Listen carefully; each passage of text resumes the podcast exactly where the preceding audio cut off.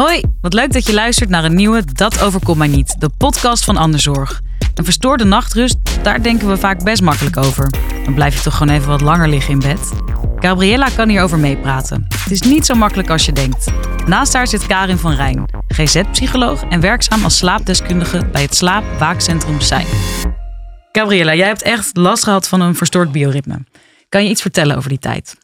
Uh, ja, het is nu een aantal jaar geleden. Ik zat toen op de kunstacademie en ik studeerde in um, Arnhem. En toen, uh, ja, het eerste jaar woonde ik nog thuis, dus dan ging ik elke dag uh, heen en weer.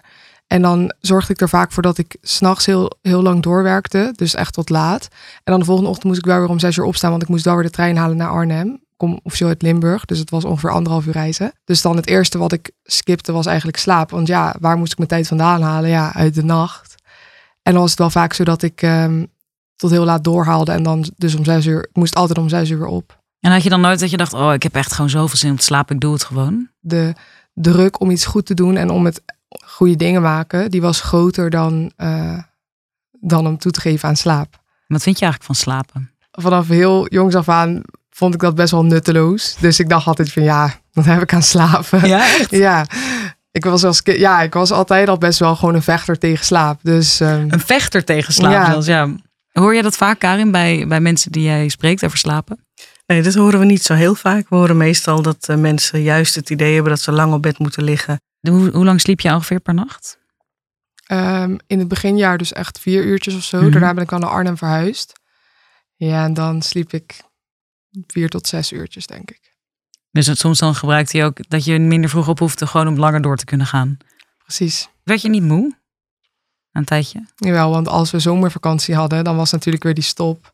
En dan merkte je wel van, oh ja, dan gaf je er wel helemaal aan toe. Maar ja, ook dan wilde ik zoveel mogelijk leuke dingen doen. Wat krijgt dan de prioriteit? Festivals, met vriendinnen leuke dingen doen. Allemaal die dingen een beetje inhalen. Ja. Vakantie gaan. Ja, dat soort dingen eigenlijk. En heeft het een... Want je sliep dus eigenlijk bijna altijd vier tot zes uur. Merkte je daar dan uh, gevolgen van in je leven? Ja, ik hield dat niet meer vol. Ik heb dat drie jaar lang volgehouden. Mm -hmm. Met een tussenstop van een half jaar. Um, omdat ik in dat half jaar dacht van oké, okay, als ik een half jaar stop, dan kan ik dan wel weer er tegenaan. Toen ben ik weer opnieuw begonnen en toen merkte ik van ja, dit gaat gewoon niet. Dus eigenlijk putte je jezelf gewoon volledig uit. Ja. ja. Is dat een verhaal dat je vaak hoort? Het is een heel herkenbaar verhaal. Dit is, uh, zeker ook bij de leeftijd hoort dat. En zeker als je grote reisafstand hebt.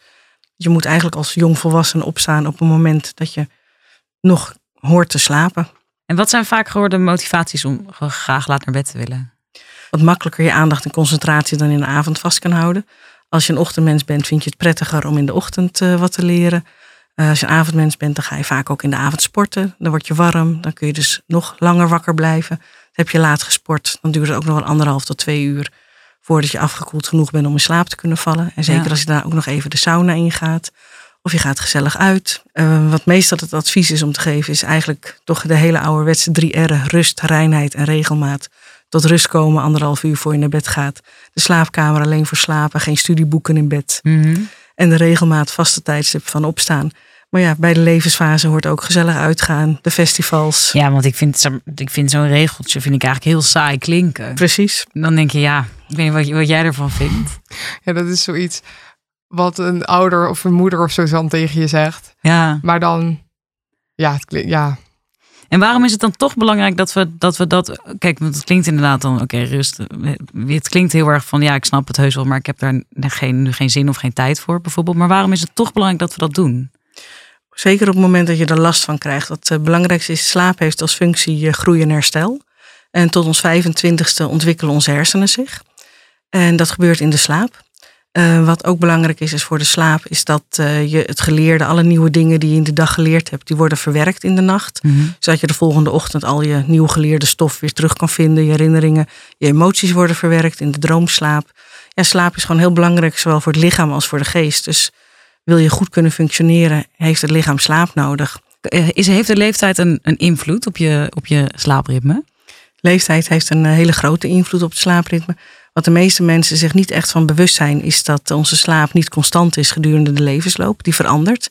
Uh, hoe ouder we worden, hoe meer we alleen maar in de nacht slapen. En die functie van groei valt weg na je 25ste. Mhm. En dat betekent ook dat uh, waar een, een puber uh, nog 8, 9 uur kan slapen, dat iemand na zijn 25ste vaak 7, 7,5 uur kan slapen.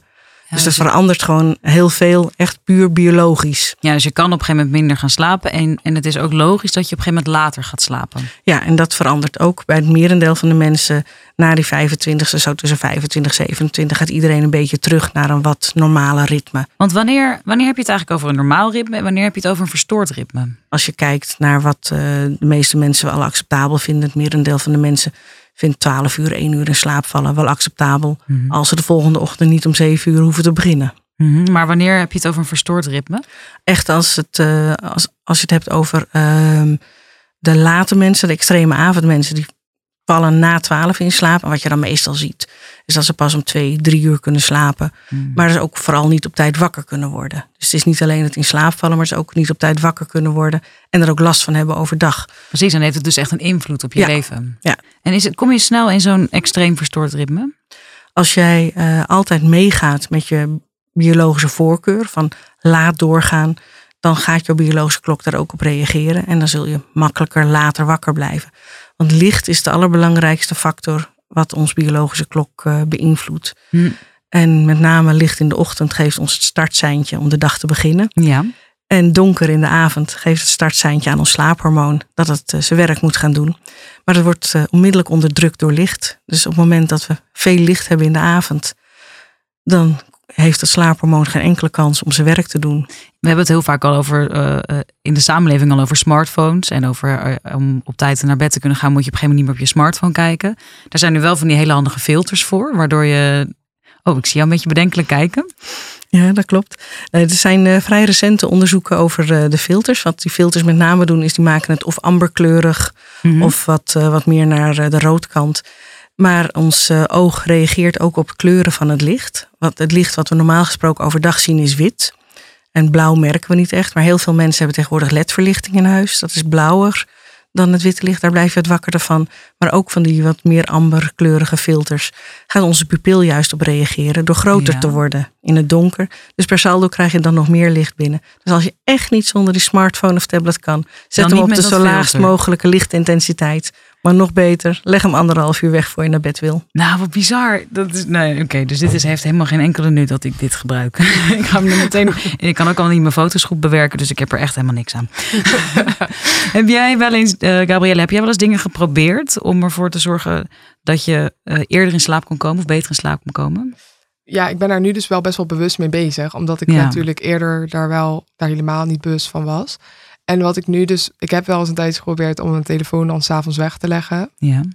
Ik zeggen Nee? dat dat mislukt is. Ehm, even denken, ja, verder. Ja, ik weet dus niet of dat werkt. Maar wat voor mij nu dus werkt, is om geluid op de achtergrond te hebben. Mhm. Maar dan wel van mijn eh, televisie. Dus het is wel licht. Maar dan zet ik hem dus op eh, sleep timer. En ik val dus op dat geluid in slaap dan. Je kijkt al vragend naar Karin Ja. of, het, of het kan kloppen dat het helpt om in slaap te komen. Nou, Het zou niet het advies zijn wat we geven, omdat Nee? het met name het lichter is. En ook als je je ogen dicht hebt, komt het licht er nog door. Maar het is wel wat we vaker horen van mensen, is dat ze een soort witte ruis op de achtergrond prettig vinden. Omdat anders je hoofd heel druk blijft en dat je dan iets hebt om je af te leiden. Maar Ja. het is niet het advies. eh, wat is dan wat wel het zou geven. advies? Eh, eigenlijk is het belangrijkste van eh, anderhalf uur voor bedtijd je activiteiten af te bouwen. Want je hoofd moet tot rust komen. Je hoofd moet je, ja, slaap wordt in je hersens gemaakt. En als je heel druk bent met allerlei gedachten, of het nou leuke gedachten zijn of vervelende gedachten, krijgen je hersens niet de kans om eh, alles op aan en uit te zetten wat er nodig is voor de nachtrust. Dus het belangrijkste is het tot rust komen. Ja. Dus wat jij zegt, lekker luisteren is misschien een ritueel om tot rust te komen. Maar wij vinden eigenlijk dat je binnen 20 minuten in slaap zou moeten vallen. Heb je daar eerder meer last van gehad toen je nog aan de kunstacademie zat? Dat je dan wilde slapen en niet kon slapen? Ja, omdat ik dan dus echt tot de allerlaatste minuut, eh, totdat ik dacht, oké, nu ga ik, ga ik echt niet meer verder. Mhm. eh, nog bezig was met processen of met ontwerpen van dingen. Ja. En dan lag ik in bed en dan was ik, ja, dan kon ik niet meteen slapen, inderdaad. Dus je herkent dat heel erg, dat je moet afbouwen. Ja, ik denk het wel. Ik denk dat ik dat nu ook wel iets bewuster probeer te doen, inderdaad. Ja. Ja. Er is heel veel beeldvorming eigenlijk over slaap en wat wel en niet helpt om in slaap te komen. Hoe zit dat bijvoorbeeld met dat glaasje melk? Nou, een glaasje melk, als dat altijd jouw gedrag is voordat je naar bed gaat, is het een mooi ritueel wat jouw lichaam het seintje geeft dat, je, dat het tijd is om naar bed te gaan. Mhm. Maar als je het hebt over de hoeveelheid eh, slaapverwekkende stof in de melk, dat voegt niet zo heel veel toe. Ze hebben het ooit eens uitgezocht en je zou ongeveer 700 liter melk moeten drinken, wil het iets doen om slaap te krijgen. Dat is vrij fors. Dan, eh, dat overleef je niet. en, maar en, een, eh, en een slaapmutsje dan? Een glaasje alcohol, daar eh, ontspannen de meeste mensen wat meer van. Dus het zou kunnen dat je van in slaap valt. Maar je krijgt er een ander probleem mee. Je gaat steeds meer nodig krijgen om ervan in slaap te vallen. En alcohol verstoort de tweede helft van de nacht. De meeste mensen wel gemerkt zullen hebben, Hm. is dat je vlot in slaap valt. Maar na een uur of drie, vier eh, heel onrustig slaapt. Heel de volgende ochtend eh, redelijk brak wakker wordt. Ik hoor je wel zeggen dat het goed is om een ritueel te hebben. Dus. Want jij zegt me- melken kan als het een ritueel is. Is dat iets waar je dat je lichaam op kan trainen? Ja, wat, wat voor ons lichaam heel fijn is, is om te weten van eh, wanneer is tijd om naar bed te gaan. En eh, voor de een is het ritueel even de hond uitlaten en eh, naar bed gaat. En voor de ander is het inderdaad een kopje slaapthee of een glaasje melk. Maar het belangrijkste is, is dat je niet vanuit druk, druk, druk, nog even een wasje draaien, nog even de vaatwasser inruimen, nog even de was opvouwen die je net Mm. uit de droogtrommel hebt gehaald, dan in bed plonst. Want je hersens hebben gewoon die tijd nodig om tot rust te komen. Maar soms dan heb, je, heb je die tijd eigenlijk gewoon nodig s'avonds. Om nog even wat dingen af te kunnen ronden. Eigenlijk kun je dan eh, beter, eh, als je het hebt afgerond, nog even blijven zitten. Een half uurtje, drie kwartier. Mhm. Of een uur rustig blijven zitten en dan pas naar bed gaan. Karin, jij noemde net al eventjes dat je in je slaap je emoties verwerkt. Heb jij gemerkt, Gabriella, dat je, weet je wel, dat emoties minder goed werden geprocessed tijdens de dag? Je zit wel te glimlachen als ik dit vraag. Ehm, ja, was met name zo dat ik ehm, gewoon merkte als ik dan, want ik deed natuurlijk kunstacademie en dan word je elke dag moet je iets presenteren en word je beoordeeld, dat ik dat ik op den duur gewoon het niet meer aankon als iemand al iets erover zei of zo. Dat ik echt gewoon merkte dat ik dat heel lastig vond. Terwijl in sociaal contact ging het gelukkig nog wel prima of zo. Al die, al die leuke dingen gingen wel makkelijk. Maar met name dan ja, kritiek of feedback, zoals ze het noemen, Ja. kon ik op den duur gewoon niet meer handelen. Misschien ook omdat je echt je, je hele dag zeg maar ongeveer besteden aan, aan dat. Dus ik kan, me wel, ik kan me die emotionele lading dan wel voorstellen. Kijk, uiteindelijk is, is er een punt gekomen dat je dacht, ik moet een beter slaapritme gaan hebben. Ja. Maar dat is vooral geweest omdat het je het niet waard was, toch? Ja, precies. Ik dacht op den duur gewoon, oké, ik wil dit niet meer. Dit werkt gewoon niet. En ik was gewoon zo moe, dus ook lichamelijk, dat ik gewoon dacht van, ja, dit, dit gaat zo niet langer. En het was me inderdaad niet meer waard. Want mijn sociale contacten werden er natuurlijk wel minder op. En uiteindelijk is daar gelukkig niks in misgegaan. Maar wat ik wel had, is dat ik er dus nu dan wel bewuster mee bezig ben. Ja, want hoe gaat het nu? Ja, nu gaat het op zich wel goed. Mhm. Ehm want doe natuurlijk nu ook een andere opleiding. Dus dan is het ook anders. Dan hoef je ook niet meer zo lang door te gaan. Ik ben nog steeds wel perfectionistisch. Mhm.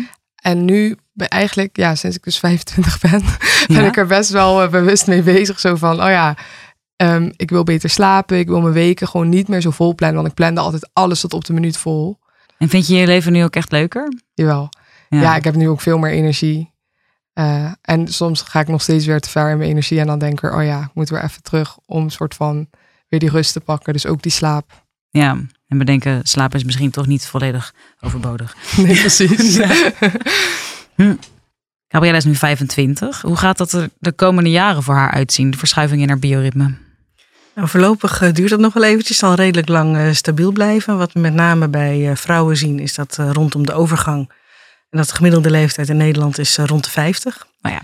Dus je hebt nog eventjes, dan verandert er weer wat. Ook qua timing van de slaap wordt het iedereen weer wat meer ochtendmens.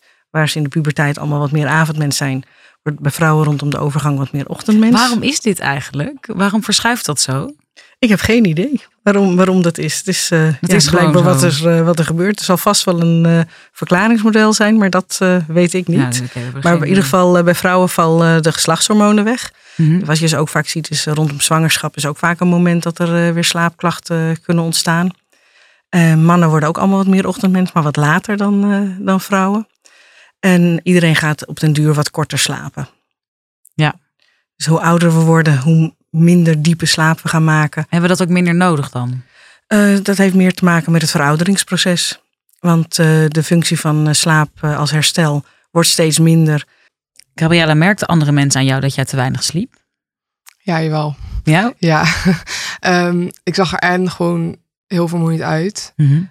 Ehm, dus mensen om me heen begonnen wel te zeggen van, eh, gaat wel goed. En ik had zelfs dat als ik dan in de trein zat en ik, ik sliep dan vaak in de trein, want ja, dan kon ik even slapen. Mhm. Dat mensen me wel echt vaker wakker maakten van... hé hey meisje, gaat het wel met je? En dat ik echt zo heel ver- verward wakker werd. En dat ik dacht van, eh, ja, het gaat wel, ik ben gewoon moe.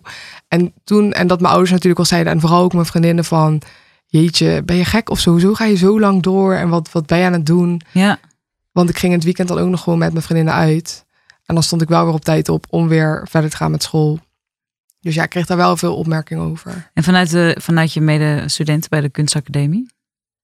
Ja, daar dus eigenlijk niet, want dat was gewoon heel normaal. We deden het eigenlijk allemaal. Ja. Dus het was ook een soort van twee werelden of zo, waarin je dan leefde. Want ja, je vriendinnen van thuis begrepen het niet, maar op school eh, deed iedereen het. En ja, Ik herken dat wel ook in het veld waar ik in werk. Dat het bijna een sosoort stoer kan zijn om tot laat door te gaan. Zo van ja, boeien, ik trek gewoon door, want ik vind het werk het belangrijkste.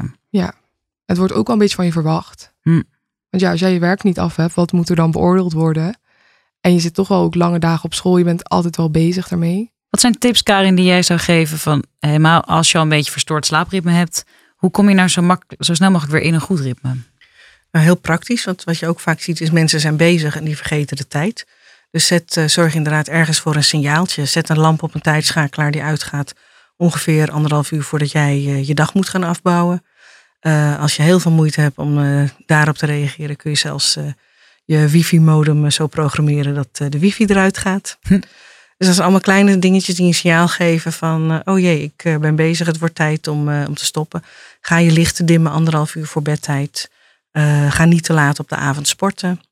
En een Eh, boekje lezen s'avonds in bed? Eh, nou, eigenlijk als je een probleem hebt met slapen, is het eh, belangrijkste dat je alle wakkere activiteiten eigenlijk uit eh, de slaapkamer eh, Dus ook, haalt. ook geen boek. Ook geen boek. Ga lekker dat bank, eh, op de bank zitten met, eh, met je boekje.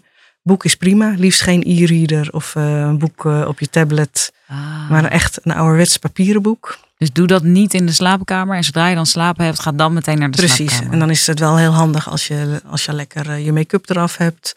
En klaar bent om naar bed te gaan. Dat je niet dan nog even in de badkamer moet. Weer het volle licht aan moet hebben. Om van alles te zien. Dus ja, plan wel je activiteiten. Maar vooral eh, zorg voor zo min mogelijk licht. En bouw je dag af. Hm. Zorg dat je hoofd tot rust komt. Ja.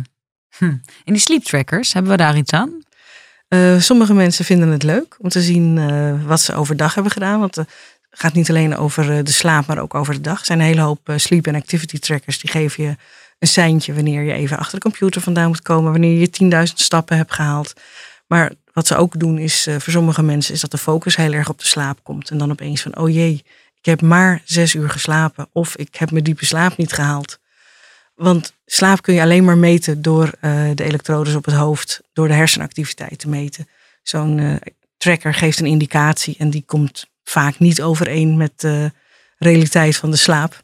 Moet je ook iedere keer op hetzelfde tijdstip gaan slapen?